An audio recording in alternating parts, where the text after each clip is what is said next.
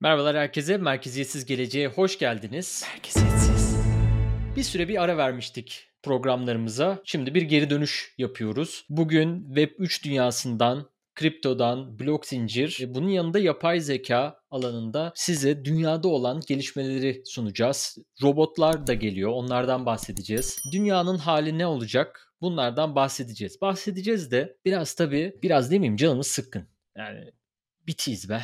Öyle. Gerçekten yani hiçbir şey konuşasımız yoktu uzun süredir. Ne Web3 ne AI ne bir şey. Ama dünyada pek çok şey olmaya devam etti.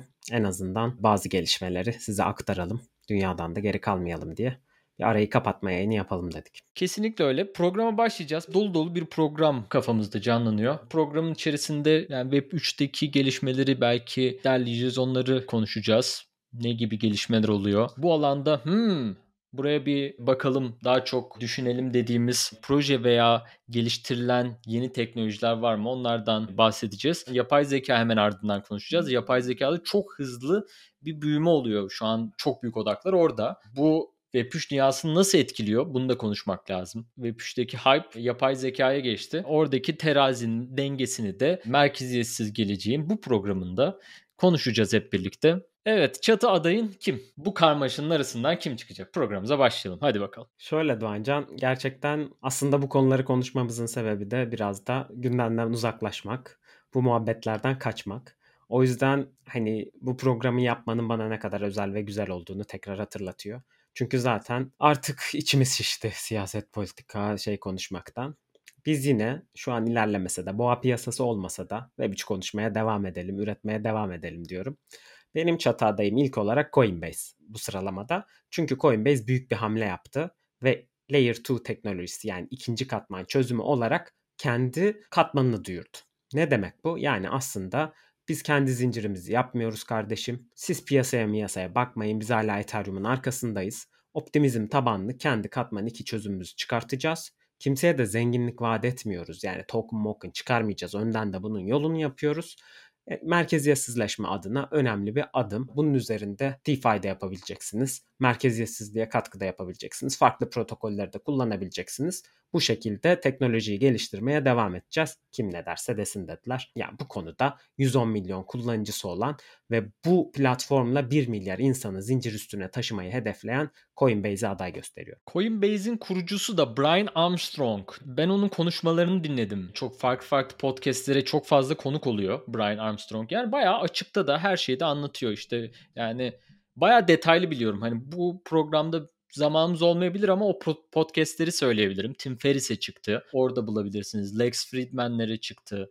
Çok başka başka yerlerde de var. Yakın zamanda Bloomberg'e de çıktı. Orada da birebir. Yani Amerika'da devlete de hani kriptoyu kim anlatıyor diye sorsanız işte Coinbase'i gösteriyorlar. İşte Brian Armstrong'u gösteriyorlar. Onu danışman olarak soruyorlar. Bilir kişi olarak da danışıyorlar. İşte liberal enstitüye de yani ona fırsat vererek yani güvenmek gerekebilecek bir insan. Yani dağ ulaşma adına da adımları var mı bu Coinbase'in? Yani böyle bir karar mercini dağıtma, notlar gibi böyle durumları da var mı Coinbase'in? O yapısını tam bilmiyorum. Ya aslında şöyle yani sonuçta Coinbase ticari bir şirket, halka arz bir şirket ve merkezi bir borsa. O yüzden ticari çıkarlarını gözeterek ana iş kolunu her zaman devam ettirecektir. Ama aynı zamanda ait olduğu ekosisteminde bir parçası olmak ve katkıda bulunması merkezi borsa tarafında güçlendirecektir. Ana işinde güçlendirecektir. Ne kadar merkeziyetsizliğe katkıda bulunursa o kolda o kadar büyüyecektir. O yüzden bu alana biraz da yatırım yapıyor. Hani hem çıkarı var biraz hem de merkeziyetsizliğe katkıda bulunuyor. Çünkü gerçek merkeziyetsizlik sadece bireylerin katılımıyla olmaz. Kurumlar da bunların bir parçası olmak zorunda. Brian Armstrong da bunun farkında. O yüzden bir kolunu merkeziyetsizleştiriyor ama bu ana iş kolunu merkeziyetsizleştireceği beklentisini yaratmaz. Burada yine ana iş koluyla merkezi bir borsa olarak çalışmaya devam edecek. Burada hükümetin, Amerikan hükümetinin özellikle güvendiği iki borsa vardı. Biri FTX, biri Coinbase. E, burada FTX çok büyük bir hayal kırıklığı oldu SBF'in dolandırıcılığı sağ olsun. Şu an gerçekten hani tek kale Brian Armstrong olarak devam ediyor. O yüzden iki taraflı biraz merkeziyetsiz tarafını zincirde büyütüp merkezi borsayı da merkezi olarak büyütüp devam edecek diye düşünüyorum. NFT haberleriyle de devam edelim Doğancan. Çünkü NFT'de beklenmeyen bir şey oldu. İlk kez OpenSea'yi hacmiyle bir NFT borsası geçti. Blur yaptı bunu. Nasıl yaptı diye soracak olursan aslında sattıkları NFT'lerde bir fark yok. Sonuçta hepsi Ethereum üzerindeki zincir üstündeki NFT'leri listeliyor. Ama birincisi Blur komisyon almayarak farklı bir iş modeli kurmaya çalışıyor. Radikal hamleleri var. Örneğin işte sanatçıların royalty almadığı bir sistem kurguluyor. Ama ne yapıyor? Token airdrop'u yapıyor ve bunu aşamalı olarak yapıyor. Eğer o borsada işlem yapıyorsanız ve belli bir hacmin üzerinde işlem yapıyorsanız ne kadar hacim getirirseniz aslında o kadar tokenla ödüllendiriliyorsunuz. Round round farklı token dağıtmalara başlıyor. İlk roundda insanlar aa ne güzel token dağıttılar falan deyip platforma çekildi. Bu sefer yüksek hacim yapanlar ikinci roundda ödüllendirildi. İyice iştahlar kabardı. Tabii ki bu biraz altı boş ve sanal bir hacim de yaratıyor. Böyle tehlikeleri de var. Ama bir şekilde kullanıcıları kendisine çekmeyi başardı. Üzerinde alışveriş yapan insan miktarı henüz OpenSea'yi geçememiş olsa da parasal miktar olarak, hacim olarak OpenSea'yi geçmiş bulunuyor. Blur. Nasıl ya? Toplam olarak mı? Yani toplam OpenSea'nin günlük hacim olarak. Ha, günlük olarak tamam. Yani toplamda geçemez çünkü öyle bir şey mümkün Ama değil. Günlük yani olarak geçmiş. bir süredir bunu üst üste her gün yapıyor. Yani ne kadar devam ettirebilir orasını bilmiyorum. E, parayı veren düdüğü çalıyor. Elindeki tokenlar bitince biter. Biz Türkiye'de de bunu görüyoruz. Seçimde de kim işte daha çok para vaat ederse işte şunu yapacağız, bunu yapacağız diye. E, milletimiz gidiyor oraya işte. Milletimiz de Yani. gördüğünüz üzere OpenSea'den bu şekilde Blur'a çekiyor. Görüyorum ki aklını seçimlerden bu tarafa çekmek bayağı zor. Her şekilde bir seçim analojisi buluyorsun. Ee, bizi bu kadar politize eden düzen kahrolsun diyelim. Sonunda her şeyi konuşacağız. Bu programın sonuna kadar böyle. Bu program böyle hocam. Bakalım OpenSea'den de bir karşı hamle gelmesini bekliyorum. Eğer bu bir token airdrop şeklinde olursa kendi kullanıcılarını ödüllendirecektir. O yüzden yani OpenSea'yi kullanmaya devam etmenin de bu anlamda bir faydası olabilir. Ne kadar çok hacim olursa o kadar çok ödül bekliyoruz. Ben Blur'u İngiliz rock grubu olarak seviyorum. Buradan Damon Albarn'a da selam çakalım. Gorillaz da yapıyor kendisi. Blur İngiliz müziğinin sevilen siması simgelerinden biri. Ben onu Diyelim ve sonraki haberimize bağlayalım mı? Hadi bağlayalım. Ethereum. Ethereum'da neler oluyor? Yakıyoruz, yakıyoruz. Ethereum'lar artık daha fazla Ethereum çıkmıyor. Mükemmel bir şey değil mi? Ethereum'un son yani 12 ayda yaşadıkları çok iyi. Çok iyi. Yani ne haber gelse çok iyi. Böyle işte o şöyle soyulmuş, bunun şöyle hacklenmiş, bütün iletişim hakları işte dağıtılmış, hackerlar onu aldı, işte şuradan şu çıktı, şu kadar para iç edildi, şu kadar yakıldı, geri geldi falan derken Ethereum'da hiç böyle şeyler değil mi? Yine neler oluyor Furkan? Senden de alalım. Ethereum yani tabii ki üzerinde yazılan akıllı kontratlar üzerinde yer yer hacklemeler, e, köprülerin hacklenmesi gibi şeyler yine de görüyoruz. Ama ana zincir gerçekten emin adımlarla sağlam bir şekilde ilerliyor. Burada en çok sevdiğimiz yanlardan biri Ethereum'e rakip çıkan herkes kapatılabiliyor, durdurulabiliyor, işte bir geri alınıyor falan. Bu tür şeylerin Ethereum klasik doğduğundan beri Ethereum'da bu konuda iyi bir sicili var ve merkeziyetsizliğini her geçen gün arttırdığını ve bu nedenle bu tür şeyler olmadığını gösteriyor. Gelişmeler de bu şekilde çok iyi. Yani yol haritalarındaki şeyleri yavaş da olsa ağır adımlarla yerine getiriyorlar. Bunlardan biri de yakın zamanda gelecek olan Shanghai Fork'u. Bu Shanghai Fork'un en önemli özelliğini söyleyip geçeceğim çünkü gerçekten gerisi tamamen teknik detay. En önemli özelliği daha önce Ethereum 2'ye geçmeden önce Ether'leri kitlemiştik biz bu zincirde, ikinci zincirde. E şimdi o Ether'ler açılacak. E Bu Shanghai forkuyla açılacak. O kilitlenen Ether'lere ulaşılabilecek. E Ether 2'ye yani aslında geçildiğinden beri, Proof of Stake'e geçildiğinden beri bugün bekleniyordu diyebiliriz. E, Nisan'ın ilk haftalarında artık gerçekleşmesi bekleniyor bu Shanghai forkunun ve insanlar Ether'lerine kavuşacaklar. Satış gelir mi? Gelir. Likidasyon eventi olacak. Aslında stakelendi. Hani Amerika'daki o liquidation eventlere nakite çevirme etkinlikleri mi deniyor? Likide geçirme etkinlikleri. Şirketler işte halka açılır mesela halka arz edilir. Onlar bir şekilde yatırımcısı kazanır gibi. Burada da uzun zamandır yatırım yapanlar Ethereum'a stakeleyenler, ona yatırım yapanlar böyle bir etkinlik sayesinde Şangay'da bir kutlamaya katılacaklar diye de analiz edebiliriz herhalde. Yani burada şöyle bir şey var. Tabii ki bazı insanlar işte o uzun zamandır paraları orada birikiyor. Bunu bir kar realize edip kendilerine bir şeyler alıp kendilerini şımartmak istiyor olabilirler. Aynı zamanda fon yöneticileri de yatırımcılarına bir sözler verdiler. Gelin biz sizin adınıza yatırım yapalım. İşte Ether'leri böyle kitleyelim. Yılda %7 getirisi getirisi olacak vesaire. Onlara da bir kar payı dağıtmak zorundalarken hani ağzına bal çalmak gibi devamı gelsin. O yüzden kısa vadede evet bir satış baskısı yaratabilir. Özellikle de beklentiden dolayı. Ama uzun vadede bu tabii ki Ethereum için iyi olacaktır. Çünkü o kilitlenen tokenların erişilebilir olması, söz verildiği gibi yol haritasında buna imkan sağlanması çok önemli bir gelişme. Sözlerini tutuyorlar. Aferin çocuklar. Ben hala affetmedim bu arada. Bak ben de severim Ethereum ama hala affetmedim. Ne yaptılar sana? Ya bir kişisel mesele var. Bilen biliyor ya. Şimdi boş ver uzatmayalım. Vitalik'le galiba. Vitalik'le ya. Bilen biliyor. Şimdi boş ver hadi. Dedikodu bize yakışmaz. Bu programda şey yapmayalım yani. Kısmetse Peki. olarak kim çıktı? Baktın değil mi? Doğru söyle. Twitter'da önüme düşen şeyler Hayır, oldu. Hayır onu Tabii. demiyorum. YouTube'a girip baktın değil mi? Doğru söyle. YouTube'a girip bakmadım yok. Twitter'a önümde düşenlere baktım. Tamam tamam. İnandım inandım tamam. O zaman acılarını daha fazla deşmeyelim senin. Ethereum konuşunca madem biraz örseleniyorsun. Bitcoin konuşalım mı biraz da? Bayağı Bitcoin, Bitcoin konuşmuyoruz. Çok güzel. Tadında bitirelim. Bitcoin ile birlikte Web3 konuşmasını tamamlayabiliriz. Bitcoin'de NFT teknolojisi yapabiliyoruz. Yani NFT Bitcoin'le yapabileceğiz. Bitcoin'le bir şeyler yapmak zor ya. İlk çıkan oldu. Biraz böyle hani çıkanın güçlü olması lazım ilkinin ki böyle o yüzden güçlü olduğu için de çok her şeyini değil mi, bükemiyorsun. NFT oluşturmasına izin veren teknoloji çıkmış. E, çok güzel. Bunu da Furkan bize anlatsın. Evet burada Bitcoin Ordinals ismiyle bir teknolojiyle karşı karşıyayız. Aslında Bitcoin'de NFT listelemeyi daha önce deneyen projeler oldu. Stacks vardı mesela. Ama neden başarılı olmuyor? Dediğin gibi bir artık merkeziyetsizliği var. Bir kere yani değer yargısı aslında farklıydı Bitcoin'in. Bitcoin'in olayı ne bir değer saklama aracı olmak. Burada dijital altın olarak konumlandırıyor kendini aslında. Hani internetin geleceği Ethereum'sa paranın geleceği de Bitcoin şeklinde sınıflandırıyor. O yüzden biraz bu yoldan çıkmadığı için de e, tabii ki Ethereum'da veya diğer akıllı kontrat destekleyen platformlarda olan inovasyonlar konusunda biraz geri kaldı. Bitcoin maksimalistleri zaten böyle bir beklenti yok. Biz paranın geleceği, finansal sistemin geleceği olacağız diyorlar. O yüzden burası biraz tartışma konusu ama yine Çok de bir şey e, bu da Tabii. Ufak bir şekilde yani burada Bitcoin aslında yani her yerde kullanmamız lazım. Yani onu da yani büyük çapta düşünmemiz lazım. Her yerde Bitcoin kullanarak bu işlemleri de yapabilirsek kullanım alanları çıkar. Çünkü yani o Bitcoin gerçekten işte pizza alırken her şey yaparken bile kullanabileceğimiz bir noktaya gelebilirse e, çok güzel olabilir. O yüzden bu küçük şeyler de önemli. Evet keşke Lightning Network yaygınlaşsa da dediğin gibi bu mümkün olsa. Çünkü ancak ikinci katmanda yapılabilir bu kadar küçük bloklu ve güvenliğini düşünen bir blok zincirde. Ama konuya dönecek olursak yani burada aslında yeni bir teknolojiyle NFT'ler de artık Bitcoin üzerinde saklanabilecek. Daha önceki bahsettiğimiz haberlerde buna izin veren güncellemeleri konuşmuştuk. Şimdi onlar üzerine teknolojiler inşa ediliyor. Burada şu ana kadar kendi dikkat çeken çözüm oldu Ordinals. Hatta büyük koleksiyonların da direkt dikkatini çekti.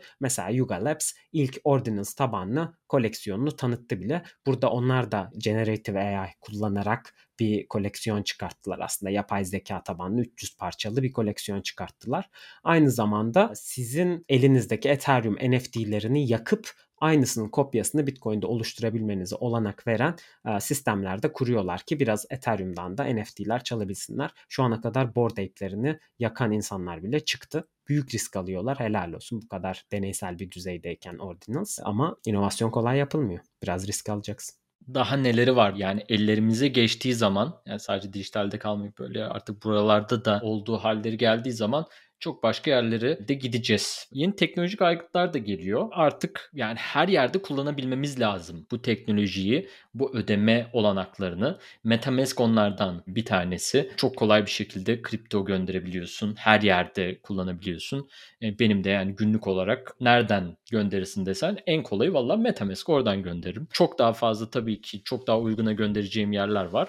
E ama hani kullanım kolaylığı veriyor bana. Her yerden işte yapabiliyorum. Bu da şimdi oyunlara entegre edebilecek. SDK, Software Development Kit'i. Yani bunu bir yazılım, yazılım olarak sen de kopyalayıp kullanabiliyorsun. Senin uygulamana da bu özellikleri getiriyor.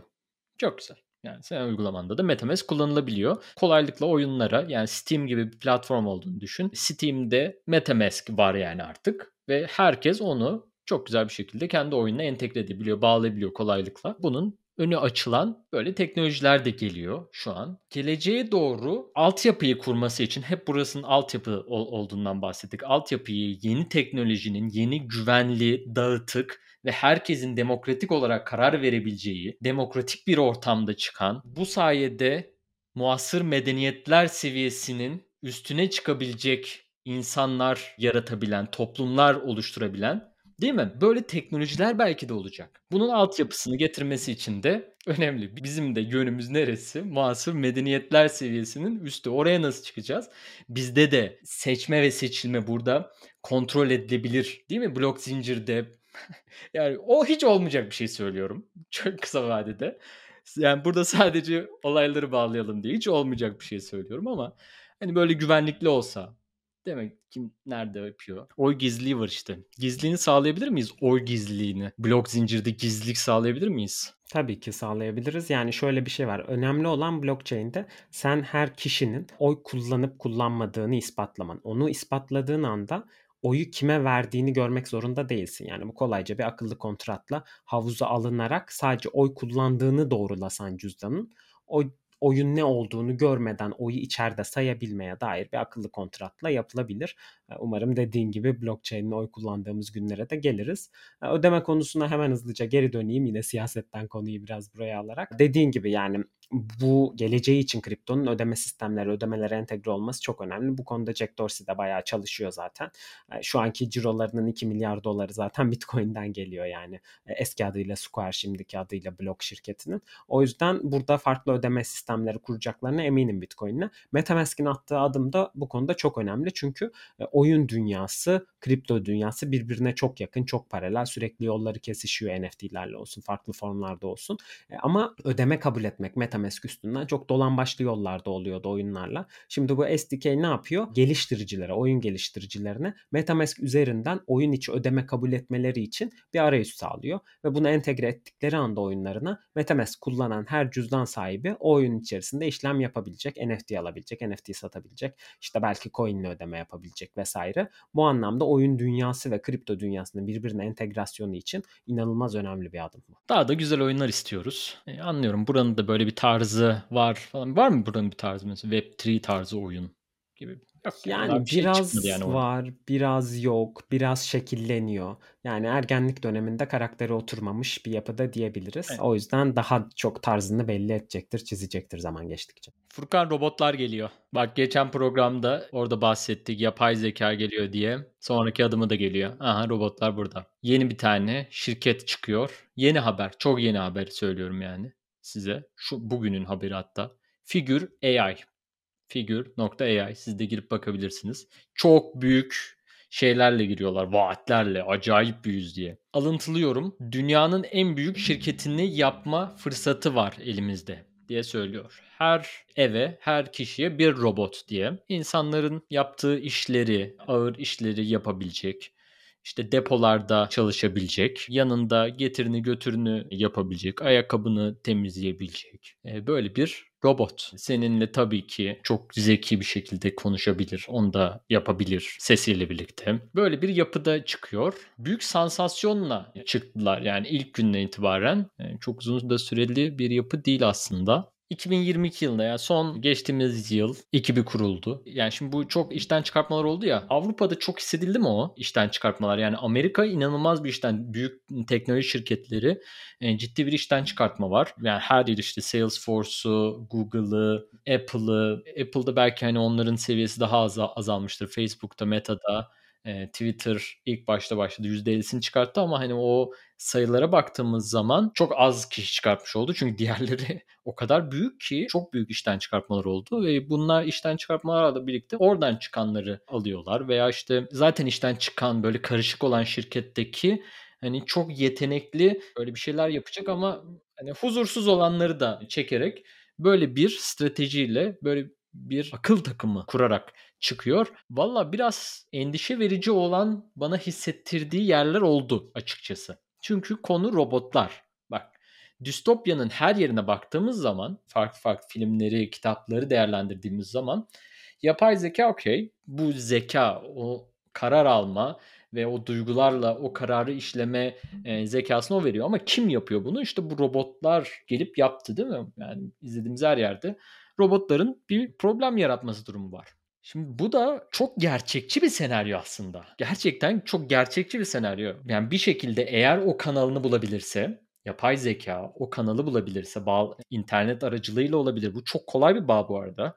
İnternet aracılığıyla her şekilde girdiği anda Wi-Fi ile bu ağı bulacak zaten. Onu kontrol edebilme, onunla iletişim kurabilmeye başladığı zaman e, onun sonu olmayacak zaten. Çok kısa bir süre içerisinde genel yapay zekaya geçeceğiz. Bu AGI diye belki e, karşımıza çıkar. E, AGI diye söyleniyor. Artificial General Intelligence. Genel bir zeka ve hızlı bir şekilde tekilliğe doğru bir yol olabilir. Ve bunun hani böyle bir ipini kopardığın zaman tepe taklak burada gidebilir. E şimdi bunlar da bu şirketi kuruyorlar. Ve tek adam olarak kuruyorlar. Bakın tek adam olarak çıktılar. Brad Adcock diye bir adam. Hemen kendisine bakalım. 20 yıllık başarılı bir iş adamı kendisi. Böyle valla Elon Musk gibi falan bir tip herhalde. Ben yeni tanıştım kendisiyle. Bir teknoloji şirketi kurmuş matchmaking üzerine. Freelancer veya işte yarı zamanlı, uzun zamanlı çalışanları dünya çapında çalışanları bulan bir marketplace e, oluşturmuş ve bunun sonrasında pazar yeri. bir pazar yeri e, 110 milyona satıyor. Sonrasında gidiyor o parayı Elon Musk gibi gidip bütün parayı bir sonraki şirketine yatırıyor. Hepsini. Deli. Yakarsa dünyayı deliler yakar. Vallahi öyle bak. Oğlum tehlikeli adam anlatıyoruz ya. Ben gör yani bu Amerikalıların hepsine de güvenmeyeceksin. Tabii. Ki yani Amerikalılara ayrıca niye güveniyoruz? Biz burada hani söyleyelim yani herkes bilsin. Yani Kurtlar Vadisi'ne falan böyle konu olursa böyle çıkar mı be bizden de? Böyle de, derin devleti çözmüş. Arkasında neler oluyor? Teknoloji bizi böyle ele geçirecek. İşte onu bulduk. Brad Adcock. Ama dünyayı ele geçiren yapay zeka filmlerinde de ilk Amerika'yı ele geçiriyorlar. Öyle de bir detay var. E, teknoloji oradan çıkıyor. İşte yani Silikon Vadisi'nden Kendi kuyusunu kazıyor. Evet. Ya da Çin'den çıkıyor işte. O dünya çapında bir olay çıkarsa da Çin'den çıkıyor. Son 3 yıldır. Değil mi? Çin'in gündemini yaşıyoruz yani. Çin konuşuyoruz sadece. Doğru. Artık yani distopya da olacaksa buna yön veren olmaya başlamak gerekiyor bir noktada. Sonrasında bir havacılık şirketi dedik. 2.7 milyarlık bir halka arz yapılıyor. Sonrasında da oradan kazandıklarını şimdi bu şirketi tek kurucusu olarak, solo founder olarak finanse ediyor. Kendi finanse ediyor. Başka dış yatırımcıdan para almıyor. E, bankadan kredi çekiyordur. O ayrı bir şey tabii ki ama bir yatırım turuna genel gördüğümüz hani bir yatırım turuna çıkalım, ortak alalım gibi birlikte ilerleyelim. Yok. Çıktılar ama bu kadar uzun uzun anlattım ama herhangi bir prototip falan bir şey ortada yok. Tamam yani sadece orada bir tane resimle ortaya çıktılar. Bir tane Twitter'dan mesaj attılar. Bu kadar. Ne bir video ne bir böyle hani bir prototip bir şey falan yok. Ama büyük paralar konuşuluyor. E, ekipler büyük duruyor ve yapabilir misin? Hani burada e, yapabilirsin ni tartışacaksak yani burada onun mühendisleriyle birlikte oturup uzun uzun tartışmak, teknik kısmını konuşmak gerekiyor ki sonunda yapabiliriz çıkar. Hani nasıl yapacağımızı konuşacağımız bir noktadayız. Nasıl en iyisini yapacağımızı konuşacağımız bir noktadayız. Orada da benim de görüşlerim var sevgili dostum. Blok zincir teknolojimiz var. Tamam şimdi bu yapay zekayı bizim bir şekilde güvenliğe almamız lazım. Güvenli olması lazım bunun. Tamam. Yani bu çok önemli bir konu. Yani dünyanın bütün insanları etkileyebilecek bir konu gerçekten. Bu güvenliği de bir çözüm bulduğumu söylemiyorum ama blok zincir gibi hem dağıtık hem kişisel olarak e, tutabileceğimiz yapılarda tutabilir miyiz? Ben böyle bir kullanım alanı oluşabilir mi? Bu alanlarda araştırma yapmak gerektiğini düşünüyorum. Bu alanlarda belki geliştirmeler olacak yapay zeka ile birlikte. Yani yapay zeka da dağıtık olursa eğer e, çünkü hani dağınık olduğu zaman sıkıntısı yok yapay zekanın.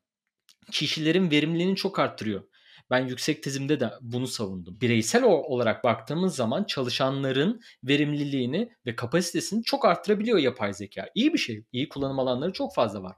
Ama o orada kaldığı zaman birleştiğinde yani o genel yapay zeka ulaştığında tehlikeler var. Furkan ne diyorsun ya bu blok zincirle böyle bir yapı yapılabilir mi? Kriptografiyle onun erişilemeyecek olarak hani kişiselleştirilmesi belki. Böyle şeyler düşünüyorum bu ara. Yani bu konuda proje üreten aslında çok fazla işte blok zinciri, coin, token var. Ama isimlerini burada dile getirmeyeceğim. Çünkü hiçbiri günümüze kadar pozitif bir katkı sağlamış değil her iki alana da. Yani sürekli e, sözler veriyorlar, projeler sunuyorlar, çok güzel fikirler ortaya atıyorlar ama henüz ürün çıkartabilmiş değiller. Çok somut anlamda bir fark yaratan.